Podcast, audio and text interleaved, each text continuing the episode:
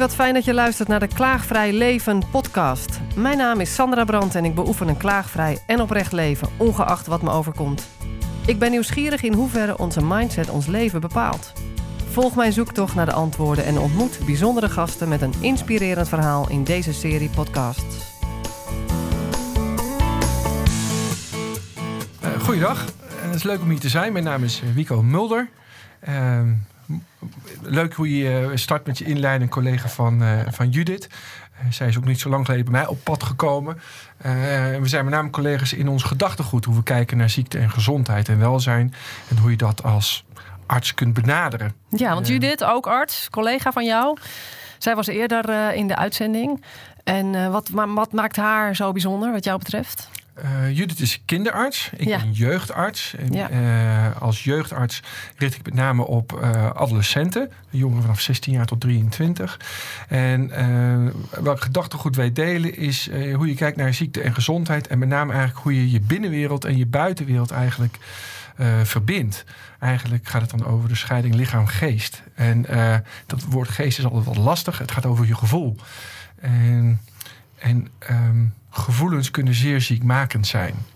En nou, daar heeft zij ook haar ideeën over en de manier van werken met ouders en jongeren en kinderen.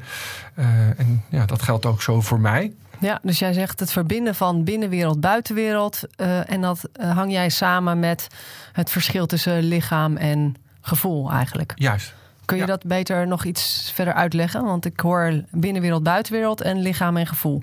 Ja, Um, als we gewoon kijken naar de wereld om ons heen. He, die is heel erg gericht op status en ego. We worden heel erg overprikkeld door uh, commercie. Alles wat, uh, wat op ons afkomt. Dat krijg je op je mobiele telefoon of wat je in de krant leest op de televisie. Allemaal buitenwereld. En dat is buitenwereld. En dat bepaalt heel erg vaak het gedrag van mensen. Mensen he, worden verleid om dingen te doen mm -hmm. of niet te doen. Mm -hmm. uh, met name om wel dingen te doen. Ja.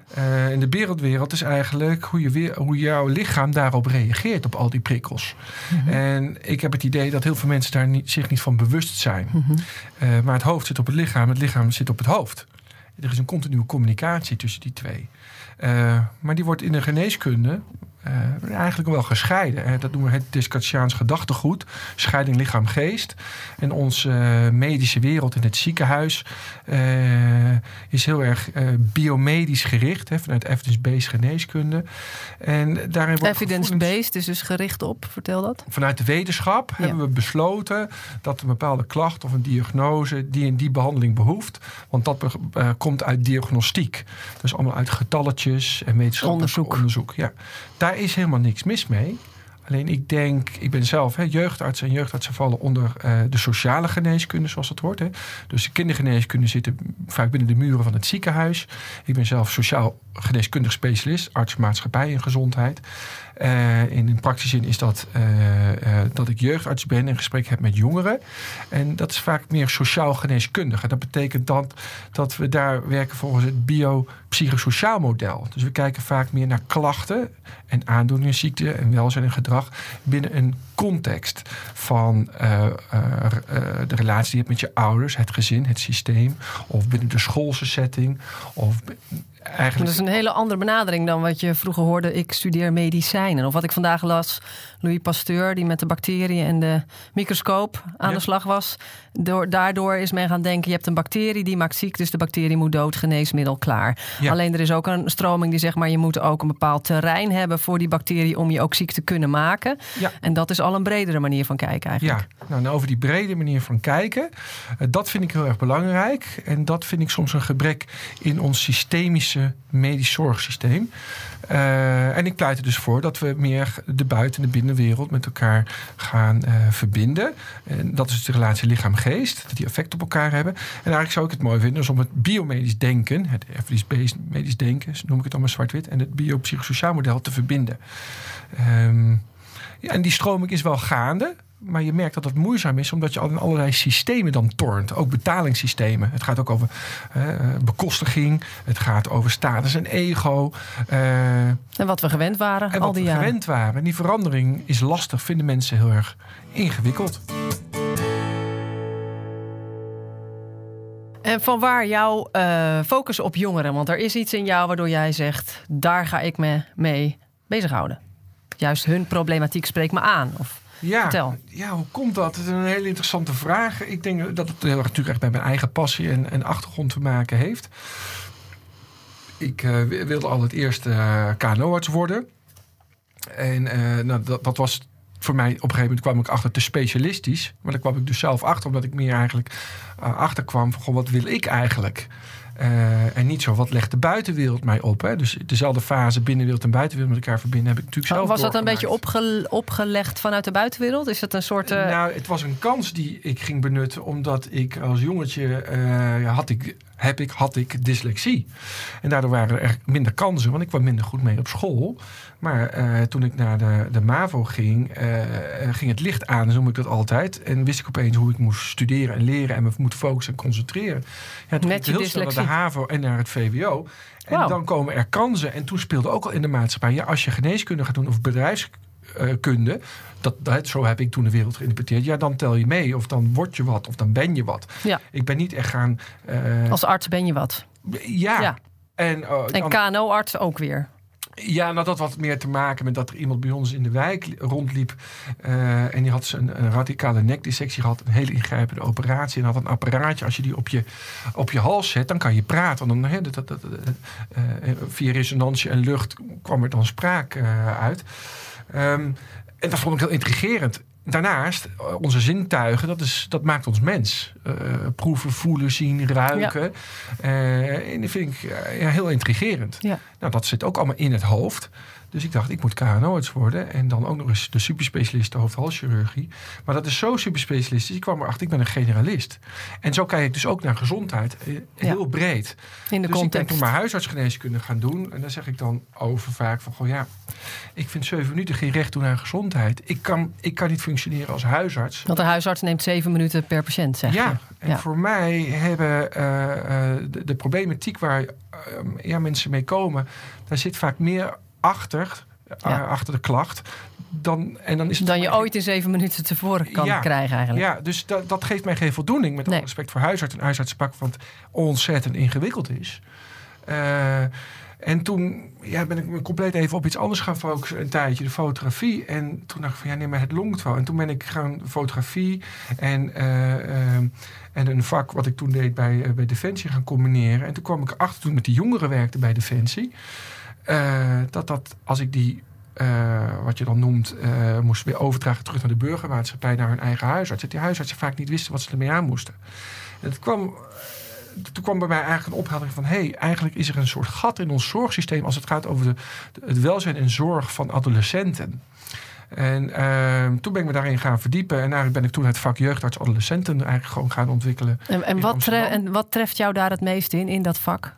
Ehm, dat, eh, nou ja, podcasten komen vanuit jouw klaagvrij idee.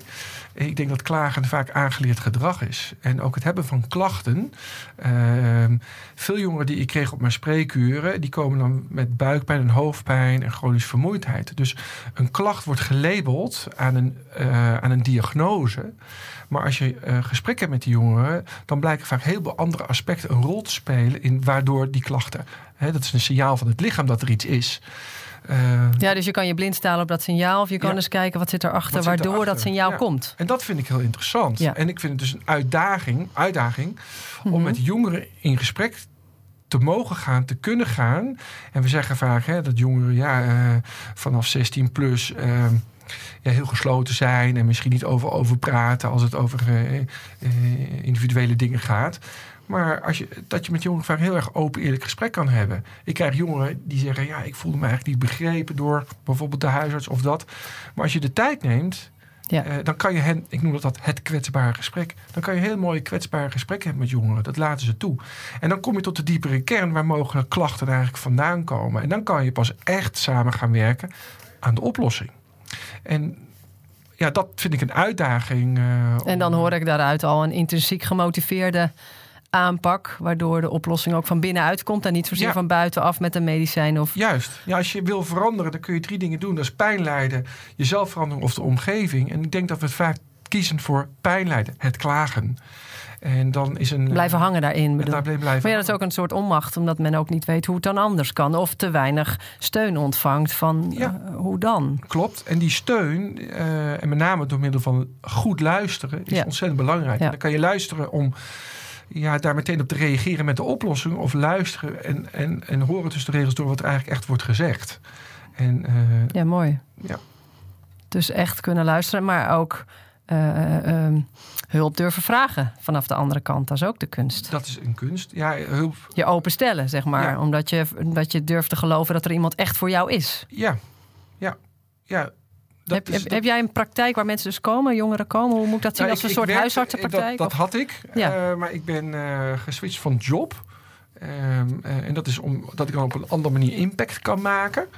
Uh, met mijn gedachtegoed en visie even uh, ten aanzien van verandering en innovatie.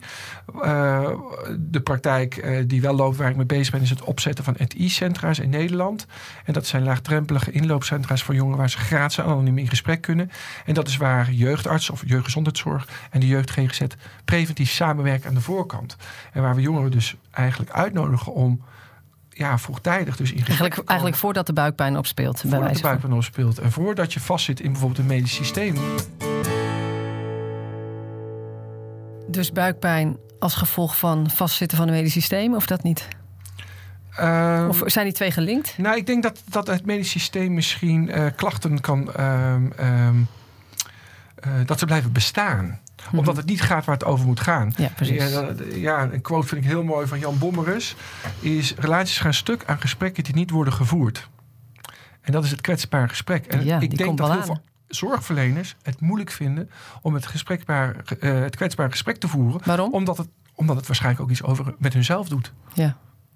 ja. Dus je komt ook jezelf tegen, jij ook? Eh, ik kom mezelf regelmatig tegen. Als je dat gesprek of voert. steeds minder, maar uh, ja doet ook iets met jou. Dat doet iets met jou, ja. Ik denk dat dat ook te maken heeft met Kun je voorbeeld noemen? empathie en compassie. Uh, daar zitten verschillen in die twee woorden, empathie en compassie. Maar uh, een hele mooie beweging is compassion for care. En, en ja, dat je doet wat goed is om te doen. En dat betekent ook dat je kwetsbare vragen moet durven te stellen. En dan moet je ook open voor staan in het moment om te voelen wat er nu mogelijk is of nodig is. Ja. Kun je een voorbeeld noemen uit jouw praktijk in zo, van zo'n gesprek? Ik bedoel, anoniem uiteraard, ehm. maar wat, wat jou nog steeds bijstaat? Of waarvan je denkt, ja, daar doe ik het nou voor? Um, is er iets wat er in je opkomt? Nou, een hele moeilijke vraag, denk ik, die zorgverleners moeilijk vinden hè, om te stellen, is bijvoorbeeld: denk je wel eens aan de dood of eruit te stappen? Hè, het over suïcide te hebben. In Nederland is het, het aantal suïcides onder jongeren is, is, is in 2017 bijna verdubbeld. Serieus? Dat is heel ernstig. Daar doen we nu ook onderzoek naar bij 1 in 3. Um, Maar die vraag stellen, die is soms uh, toch ontwapenend, ontluikend. Uh, als je dat doet in een veilige setting, ja, rustgevend geïnteresseerd voor de persoon. En dat komt eruit, dan kan je verdiepen. Ja, maar goed, wat zit daar dan achter? Ja. En kun je. Um, dat is een hele belangrijke vraag. En 113 noem je dat is een nummer die je kan bellen als je daarmee stoeit. Waar... Of online kun je chatten en mailen met deze uh, belangrijke organisatie. Waar professionals zitten die daar niet meteen van schrikken, maar waarmee je open kan praten. Ja, prettig. Ja. En vaak willen mensen volgens mij niet dood of nee. daadwerkelijk eruit stappen. Maar zitten ze vast omdat ze geen keuze hebben. Omdat ze geen, geen zicht hebben op andere stappen. Ja. En ik vind het mooi dat je in gesprekken... Mensen hebben vaak aannames, overtuigingen van een bebuid... aangeleerd gedrag of blikveld. En ik vind het heel erg mooi om mensen een andere zienswijze te geven op hetzelfde. En hetzelfde als je kijkt bijvoorbeeld naar een kopje met een oortje. Ja, dan kan je van één kant naar kijken. Dan kan je vertellen over het kopje met het oortje. Maar als het kopje zo staat dat jij het oortje niet ziet... Hebben we, denken we het over hetzelfde, dat kopje. Maar we zien allebei wat, anders. het oortje beschrijft, zie ik het niet. En ik vind het heel... Uh, ja, een uitdaging om mensen dat oortje weer te laten zien. En mensen een andere visie te geven. En daarmee een handvat, letterlijk bijna. Ja, om weer door te gaan. Als je een ander perspectief hebt. Dus omdenken. En hoe kan het dan dat jij uh, wel meer dan zeven minuten kunt besteden aan jouw uh, cliënt? Ja, dat heeft te maken Hoe is dat mogelijk? Ja, dat is een technisch... Uh, nou, kun je ik, makkelijk val, uitleggen? Ik, ik val binnen... Uh, de jeugdartsen worden betaald vanuit de wet publieke gezondheidszorg. Is dat iets anders dan uh, huisarts? is iets anders dan, dan de huisarts of dan de medisch specialist in het ziekenhuis. Dus de wet publieke gezondheidszorg. Daarvanuit wordt je betaald. En dan is het wel mogelijk om meer dan zeven de jeugdgezondheidszorg. En de jeugdgezondheidszorg ja, die wordt uitgevoerd door gemeentes. Ja. En die hebben de opdracht om de inwoners in die gemeente gezond te houden. En te bevorderen en te beschermen ja. ten aanzien van hun gezondheid. En dat is belegd bij de jeugdgezondheidszorg gezondheidszorg. En als jeugdarts heb ik een tijd gewerkt voor de GGD of JGZ Amsterdam. En vanuit een project dat heet dan ziekteverzuim. Mazzel, medische advisering bij ziekgemelde leerlingen. Als een andere bekostiging had ik dit soort gesprekken met jongeren waarin ik dit soort gesprekken voerde. Ja. En nu ben je bezig meer vanuit de preventiehoek, dus voordat die buikklachten komen. Hoe doe je dat? Ik was toen ook al werkzaam als preventie. Jeugdgezondheidszorg ja. is, is preventieve gezondheidszorg. Um, ik werk nu als uh, um, adviseur bij het Nederlands Centrum Jeugdgezondheid. En ah. meer ook op strategisch en politiek en innovatieniveau, op al niveau bezig om meer macro. Dingen, te, ja, dingen te ontwikkelen. En daar was ik altijd mee bezig. Ik was altijd bezig altijd met jobcraft. Dus naast dat ik gewoon mijn praktijk deed, was ik bezig ook met ja, dingen te ontwikkelen, te veranderen, te verbeteren. Ja. Um, Voor hoger niveau eigenlijk. En vanuit, in de content. Ja. En nu heb ik meer een, uh, ja, een andere baan waarbij ik dat nog meer, nog meer impact kan hebben. Omdat werkelijk daar. Uh, Want er is heel wat werk te doen, zo te horen dat idee heb ik wel. Ik lees steeds meer artikelen van overbelaste jongeren, hoe schrikbarend dat stijgt. Ja. Het overprikkelde brein, ja. voedings... ja. ja. Gewoontes die zo'n effect hebben ook. Vertel daar eens iets over. Weet je daar meer over? Want ik, ik, las iets, ik las dat jij ook voornamelijk coacht op beweging en voeding. Ja. En dat jongeren daar een groot verschil in zien. Vertel ja. eens. Nou, ik vind, ik vind leefstijl uh, ontzettend belangrijk. Dat zie ik echt als de basis, hè, als het fundament van een huis. We, uh, we zijn niet ons lichaam, we hebben een lichaam.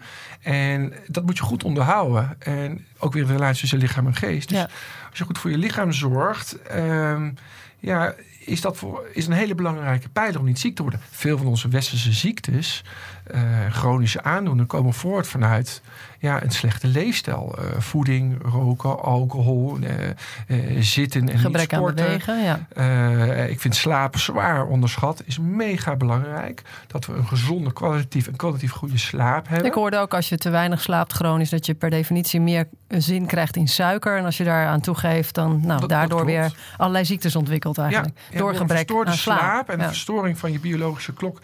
zijn er stofjes, en ik meen dat dat greline is bijvoorbeeld...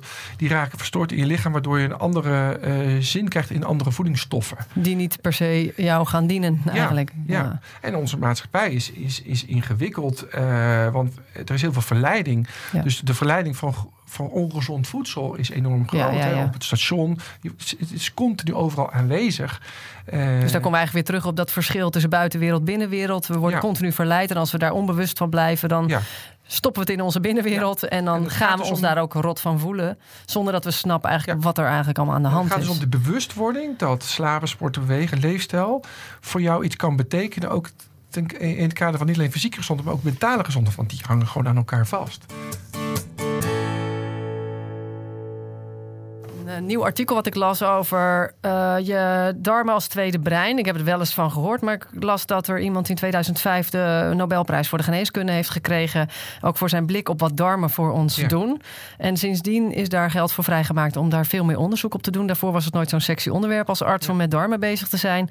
Uh, want ja, ontlasting is allemaal niet zo interessant eigenlijk, geloof ik. Dus dat gaf niet zoveel prestige. Maar nu is er zoveel bekend over dat er zelfs hersencellen in je darmen zitten. En zoveel als dat er in een kattenkop zit. Dus zo, zoveel hersencellen als een kat heeft, zitten letterlijk in je, in, je darmen. Dat is voor mij nieuw. Ja, ik geloof een kilo aan bacteriën is het. Uh, ja, maar ze letterlijk het over het microbioom. Ja, maar ook de echte hersencellen die je gewoon ziet in je hersenen, die zitten ook in je brein. Dat is toch ongelooflijk. En wat er gecommuniceerd wordt met je lichaam. En dat er ook depressie kan ontstaan door wat er gebeurt in je darmen. Ja. Dat is ongelooflijk. Ja, die relatie, die, uh, dat is weer de lichaam-geest of uh, uh, je, hoofd, je hoofd zit op het lichaam, ligt op het hoofd. Ja. Je vindt heel veel communicatie plaats tussen het hart en het brein en, het, en je, je, je darmen en het brein. En ja, heel veel, dus ook je weerstand, alles is daar ja. van invloed op. Maar ook je denken is van invloed op ja, ook op je gezondheid. Ja, zeker als ik bijvoorbeeld eens denk aan iets waar ik me niet lekker door ga voelen door die gedachten. Zoals gisteren kreeg ik zin om langs de winkelterrein chocolade te kopen. Ja. Nou had ik pas dat artikel gelezen, dus ik dacht, wacht even. Ik dacht net aan iets waar ik me niet lekker door ging voelen. Daardoor krijg ik nu zin om naar de winkelterrein voor chocola. Laat ik eens even testen als ik nou aan iets heel leuks ga denken wat er gebeurt. En vervolgens vergat ik letterlijk dat ik dacht om naar de winkel te gaan. Nou, dat soort technieken jongeren aanleren. En zich bewustwording het, het, het, frontale hersenkwap, hè, die is nog niet rijp. Jongeren gaan vaak voor korte termijn winst, niet lange termijn geluk. En in ons brein rijpt uit ongeveer tot je 23ste. Dus daarom vind ik ook, met name tussen 16 en 23, zo'n ontzettend belangrijke leeftijd.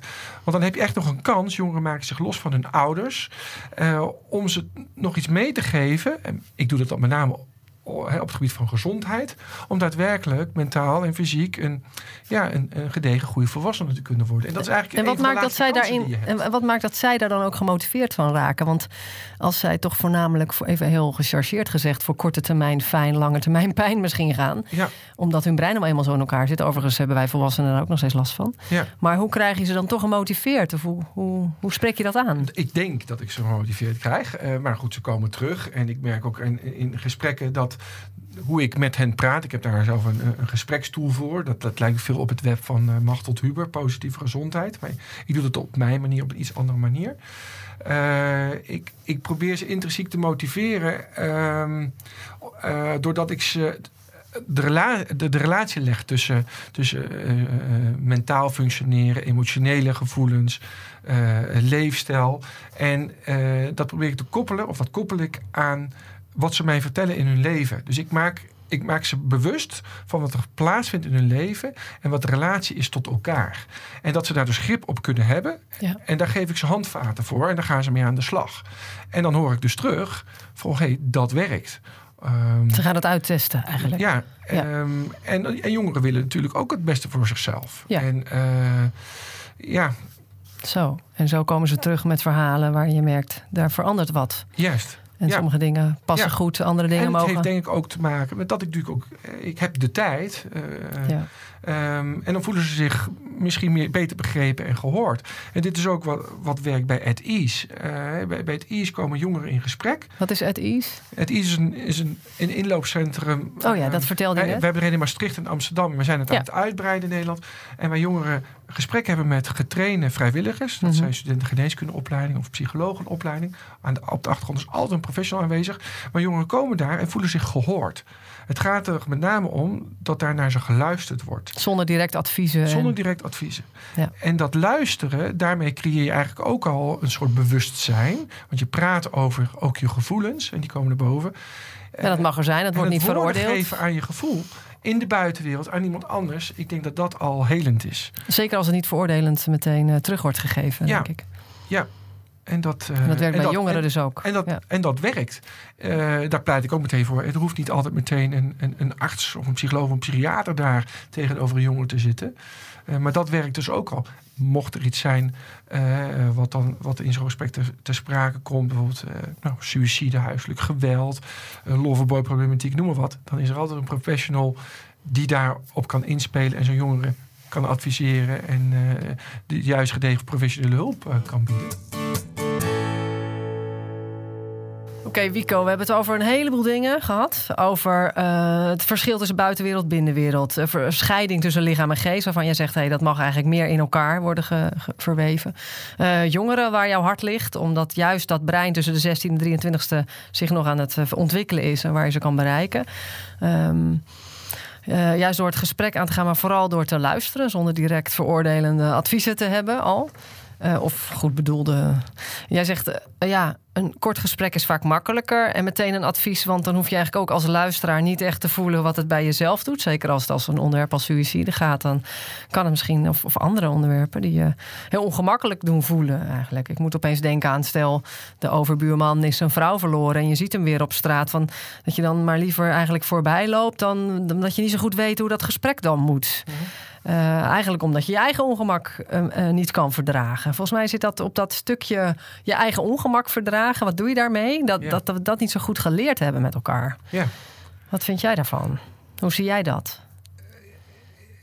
Ja, dat, dat, dat is. Um... Ja, zeg bijvoorbeeld binnen de geneeskunde, je wordt uh, opgeleid en je krijgt een bepaalde bril aangemeten waardoor je kijkt. En zeker als je specialist wordt. En dat zijn elke specialisten aan zich zijn, zijn prachtige vakken, technische hoogstandjes, hartstikke goed. Maar ja, ik zou het heel erg mooi vinden als wel al die specialisten zelf ook wel iets meer buiten hun eigen kaders denken. En snappen dat binnen de context van iemands leven die klacht een bepaalde rol of effect heeft. Of ook een oorsprong. En um, ja, dan moet je soms meer vragen stellen. Die, dat zijn vaak ook wel de kwetsbare vragen. En pijnlijke antwoorden waarschijnlijk. Ja, en ik, ja, je ziet dan gewoon dat, dat sommige mensen uh, of patiënten... Ik praat toch liever over mensen. Die worden dan, uh, zoals House dat zei, die worden gebounced. En dan ga je van de cardiologie naar de longgeneeskunde, van de longgeneeskunde. Omdat binnen jouw setting weet je het niet. En ik denk dat het heel belangrijk en mooi is dat we specialisaties hebben en superspecialisaties. Maar meer de samenhang tussen die die, die is toch wel heel erg belangrijk. En dan, maar dan ook nog weer eh, daarbuiten, het sociale stuk en het emotionele stuk. Ja, ik hoor dat voor jou veel zeggen. Dat sociale stuk, ja. dat wordt een beetje vergeten. En dat is juist wat jouw, uh, jouw passie is, om die erbij te betrekken. Ja, ja en het emotionele stuk. Want jij ziet daardoor klachten ontstaan. Ja, ja. Dat, uh, is dat wat je telkens ziet? Dat, dat het voornamelijk vanuit het speelt altijd een rol. Ja. Het speelt altijd een rol. Uh, en ik, ik, ik vind. Uh, Echt bij het ontstaan van klachten ook, bedoel je? Ja. En dan heb je het over stress, of waar heb je het over dan? Ja, stress is dan zo, is een, is een, vind ik ook een containerbegrip voor heel veel. Uh, ja, dat is fysieke spanning. En dat uitzicht door een hoge hartslag en snel ademhalen. Hoofdpijn, uh, buikpijn. Hoofdpijn, buikpijn. Schouders in de stress, ja. in de spanning. Uh, maar dan is het dus heel interessant om te snappen waar die stress vandaan komt. En daar iets aan te doen. En niet een pleister te plakken. Nee. Um, dat, um, dus ja, stress, we kunnen wel een pilletje geven. Uh, waardoor je bijvoorbeeld beter slaapt en uitgeslapen bent. Maar je kan ook iemand meer inzicht geven in ja, maar wat heeft dan tot die stress geleid? En dus meer kopingsmechanismes aan, aanleren. En echt daadwerkelijk de weerbaarheid vergroten van iemand door hem daarvoor de skills te geven. Uh, Grenzen stellen? Ook heel belangrijk. Ik denk dat heel veel ouders, uh, als we het even hebben over jongeren, uh, een beetje hun kinderen op het jonge leeftijd loslaten en te weinig grenzen stellen. Ja? Is dat iets van deze cultuur van de huidige tijd? Ja, we noemen Zoals dat, curlingouders. Oh ja. Um, en, en, daardoor leer je denk ik als, als jongere, als kind niet echt in de wereld te staan die mega ingewikkeld is. Um, uh, die heel pijnlijk kan zijn of eigenlijk ook is. Er is veel ja, verdriet en rouw en nare dingen in de wereld. En dan moet je je, denk ik, in leren staande te kunnen houden. Die, dat, maar dan moet je wel begrijpen hoe de wereld is. Dan moet je daar ook mee geconfronteerd worden. En dan moeten we dan niet wegwuiven of proberen weg te vegen. Dus meer ruimte voor rouw ook. En verdriet verteren. En ja, hoe daarmee om te gaan. Dat hoort erbij. Dat is part maar we zien het niet veel. Uh, nee, want alles wat je ziet op sociale media, op Instagram, is alleen maar mooi, is alleen maar gaaf. Dat is die buitenwereld. Uh, maar die binnenwereld, misschien is dat ook wel hè, taboe. Uh, misschien is het angst om daarmee naar buiten te komen. de consequenties. Hoe mensen daarop reageren. dus eigenlijk zie ik het als taak van ons volwassenen... om ons eigen ongemak daar ook beter bij te kunnen leren blijven. Ook als voorbeeld naar de jongeren hoe je dat doet. Ja. En daardoor ook het gesprek te kunnen aangaan over kwetsbare dingen. Omdat jij daarin oefent met bij je ongemak te blijven wat het jou doet. Ja. En je direct precies dat daarmee aan de slag bent met degene tegenover je. Ik zou heel mooi vinden als dat eigenlijk ook iets is wat je krijgt onderwezen op school. Uh, dus niet alleen het mentale stuk, oh, wiskunde. Cognitieve ontwikkeling. Maar ook uh, ja, sociaal-emotionele ontwikkeling. Uh, ik weet, scholen hebben het al duur, druk. Ehm, maar je leert op school ook niet echt. Het leren leren, leren we niet. Maar het, misschien het leren volledig mens te zijn met je gevoel en je gedachtes. Ja, leren we dat? Ja, ik hoop dat ouders dat hun kind bijbrengen. Maar Dan wel dat de ouders aan de bel trekken bij school, dat ze daar een eh, behoefte in zien en hebben. En het blijkt ook eh, dat, eh, dat jongeren daar behoefte aan hebben. Ja, ja dat, ik zie daar wel een ehm, tendens in de goede kant op. Ja, jongeren hebben ook behoefte aan structuur, aan grenzen. En, um... Nou, en hoe stel je ook je eigen grens als jongeren, of maar ook wij, volwassenen, ja. op het moment dat we verleiding krijgen door de social media en de advertenties. En ja. hè, daarin ja. ook vinden van wat voel ik, waar heb ik eigenlijk behoefte aan? Snap je de mechanismes die daarachter zitten ook, hè, vanuit commercie, vanuit macht, vanuit ego. Um... Moeten we nou allemaal naar Ibiza op vakantie? Of ja, vind ik de Hoge Veluwe eigenlijk ook wel oké deze zomer? Ja, en dat is ook oké. Ja. Uh, heel oké okay zo. Ik zag uh, uh, dat jij met rallies bezig bent. Ja. Wat vertel eens? Want over, als we over vakantie hebben, over waar, waar wordt jouw hart naar? Nou ja, het gaat over hetzelfde. Ga, kun je naar je hart luisteren? passie, denk ja, ik. Ja. Mijn vader die uh, repareerde al vroeger al klassieke auto's. En ik ben 15 jaar geleden in de wereld van de klassieke autosport gestapt. En het was voor mij een combinatie om fotografie en mijn arts zijn en reizen te combineren. Uh, rallies, uh, ik ga graag mee. Of ben dan 15 jaar daarmee bij betrokken met klassieke autorallies naar het veelal buitenland. Dat zijn niet eendaagse rallies, maar soms één week, twee weken, soms misschien wel zeven weken. En dat is dan met oorlogse auto's. Ja, en hoe, hoe, combineer je fotografie en je arts zijn bij rallies? Nou, ik maak dus foto's van. Voor als deze, er een botsing is? Van deze rally maak ik foto's. En dat wordt meestal een groot koffietafelboek. Maar mensen worden ook soms ziek. Uh, medicatie die mensen hebben, die reageren anders in andere landen. Aha. Onder invloed van stress, emoties, spanning. Want het is een wedstrijd, een rally. Of uh, uh, vanuit andere temperaturen en omstandigheden, ander voedsel. Ja, kunnen mensen. dus jij bent daar voor de gezondheid. En ben ik eigenlijk. daar voor de gezondheid. Ja. En het is om met die mensen te sparen. Niet dat ik daar de held ben. Ik doe helemaal geen levensreddende ingrepen of zo. Maar ik heb wel een apotheek bij me. En ik heb gewoon wel vanuit de basis. En je bent bevoegd als arts. Ja, ben je bekwaam. Uh, ja, dan moet je jezelf Grappig, hè? Want je, je, gaat nu toch antwoord geven vanuit medicijnen, hoor ja, ik. klopt. Ja, ja, terwijl ik net wel heel graag bij deze laatste rally. Ik ben net van Nederland naar Griekenland gereden met deze prachtige auto's. Een hele mooie gesprek hebben gehad met een deelnemer Ehm, maar wel met, met eh, ehm, veel problemen ten aanzien van verslaving en suïcide. En heb ik, eh, ja, dat, ja dat, dat, dat ging zo. Uh, en, Mooi. Die heb ik dus wel ja, niet kunnen helpen, klinkt zo bravoer, maar wel op weg weten te helpen. mag je toch zeggen, om op een andere manier naar haar klachten en, en problemen te krijgen. En die daar nu hulp voor daadwerkelijk zoekt. Ze zou aan het einde van die rally uh, naar Amerika afreizen. En dat heeft ze niet gedaan. En ze heeft ervoor gekozen om echt aan zichzelf te gaan werken. Mooi. Um, daar heb ik een klein stukje in kunnen betekenen, ja. dan waarschijnlijk. Um, ja. Terwijl ik meteen denk, dat is een groot stuk. Mag je dat niet zeggen dan? ja. Ja, vind ik dan weer. Maar goed, ja. mooi werk. Dat is het zeker, ja. Nou, je zou denken van de hakken op de tak, uh, de, deze uitzending. Uh, van jongeren naar jouw passie voor, uh, voor rallies. Maar eigenlijk heeft het te maken met dat je weer terug naar je innerlijke wereld komt om te bedenken waar doe ik het voor. Dus die KNO-arts werd het toch niet, want wat wil ik eigenlijk? Het werd wat anders. Dat is wat waar jij nu nog steeds warm voor wordt. En ook niet per se naar Ibiza, omdat je dat vooral ziet op de Instagram en zo. Maar jij gaat mee met de rallies als fotograaf en als arts. Ehm, en dan ook op jouw manier als arts om die gesprekken te voeren die nodig zijn op dat moment. Dus uh, naar je hart luisteren. Dat is heel belangrijk. Ja, je, moet, ja, je moet goed voor jezelf zorgen. Wil je goed voor andere mensen kunnen zorgen? Hoe doe jij dat? Uh, door, uh, dat is een uitdaging, maar om, ja, om wel overwogen keuzes te maken. Practice what you preach. Dus ik heb heel lang met heel veel plezier in Amsterdam gewoond. En ik woon nu met nog meer plezier gewoon in de natuur. Ik woon in een klein dorpje eh, tussen Deventer en Zutphen. En, mm, mooi gebied. Dat, dat, is, dat is een prachtig gebied. Dus ja, natuur uh, en dieren en rust. en wat maakte die keuze? Belangrijk. Wat maakte die keuze? Nou, het is met name voor de liefde. Ah, kijk, daar Maar ook, ook ik word, ja, we hadden ook in Amsterdam kunnen blijven wonen. Uh, zij wonen er al een tijd. En ja, ik, ik woon er met heel veel plezier. Ja. Uh, daar hangt, hangt een hele andere energie, een hele andere dynamiek. Veel meer rust. Um, ik, ik mis Amsterdam ook helemaal niet. ik kom er graag. Ik vind het leuk. Een mooie, prachtige stad. Maar het is voor mij daar te druk te hectisch. Uh, dat ben ik als persoon al. Ja, ik ben veelzijdig en ik vind heel veel dingen leuk. Ik heb een brede interesse. Uh, maar ik heb ook die afstand nodig en die rust. En, uh, in mijn gesprekspoel die ik heb, die ik gebruik met jongeren in gesprek, staat helemaal boven in die piramide staat ik. Piramide heb je? Ja, ik heb een piramide. Dat is mijn gesprekstoel. En uh, die bevat vier lagen. De onderste laag is leefstijl, slavensport, beweging, voeding. Daarboven het emotionele, wat ik dan bespreek. Daarboven het mentale stuk. En boven in de piramide is eigenlijk ook de heilige graal. Dat is me, dat is ik. En uh, in, in dat ik zit niets en niet doen. Daarin zit uh, ja, je passies volgen. tijd maken voor ehm, uh, voor de dingen die je altijd leuk vond om te doen. En dat vergeten we vaak in deze tijd, omdat we zo geleefd worden.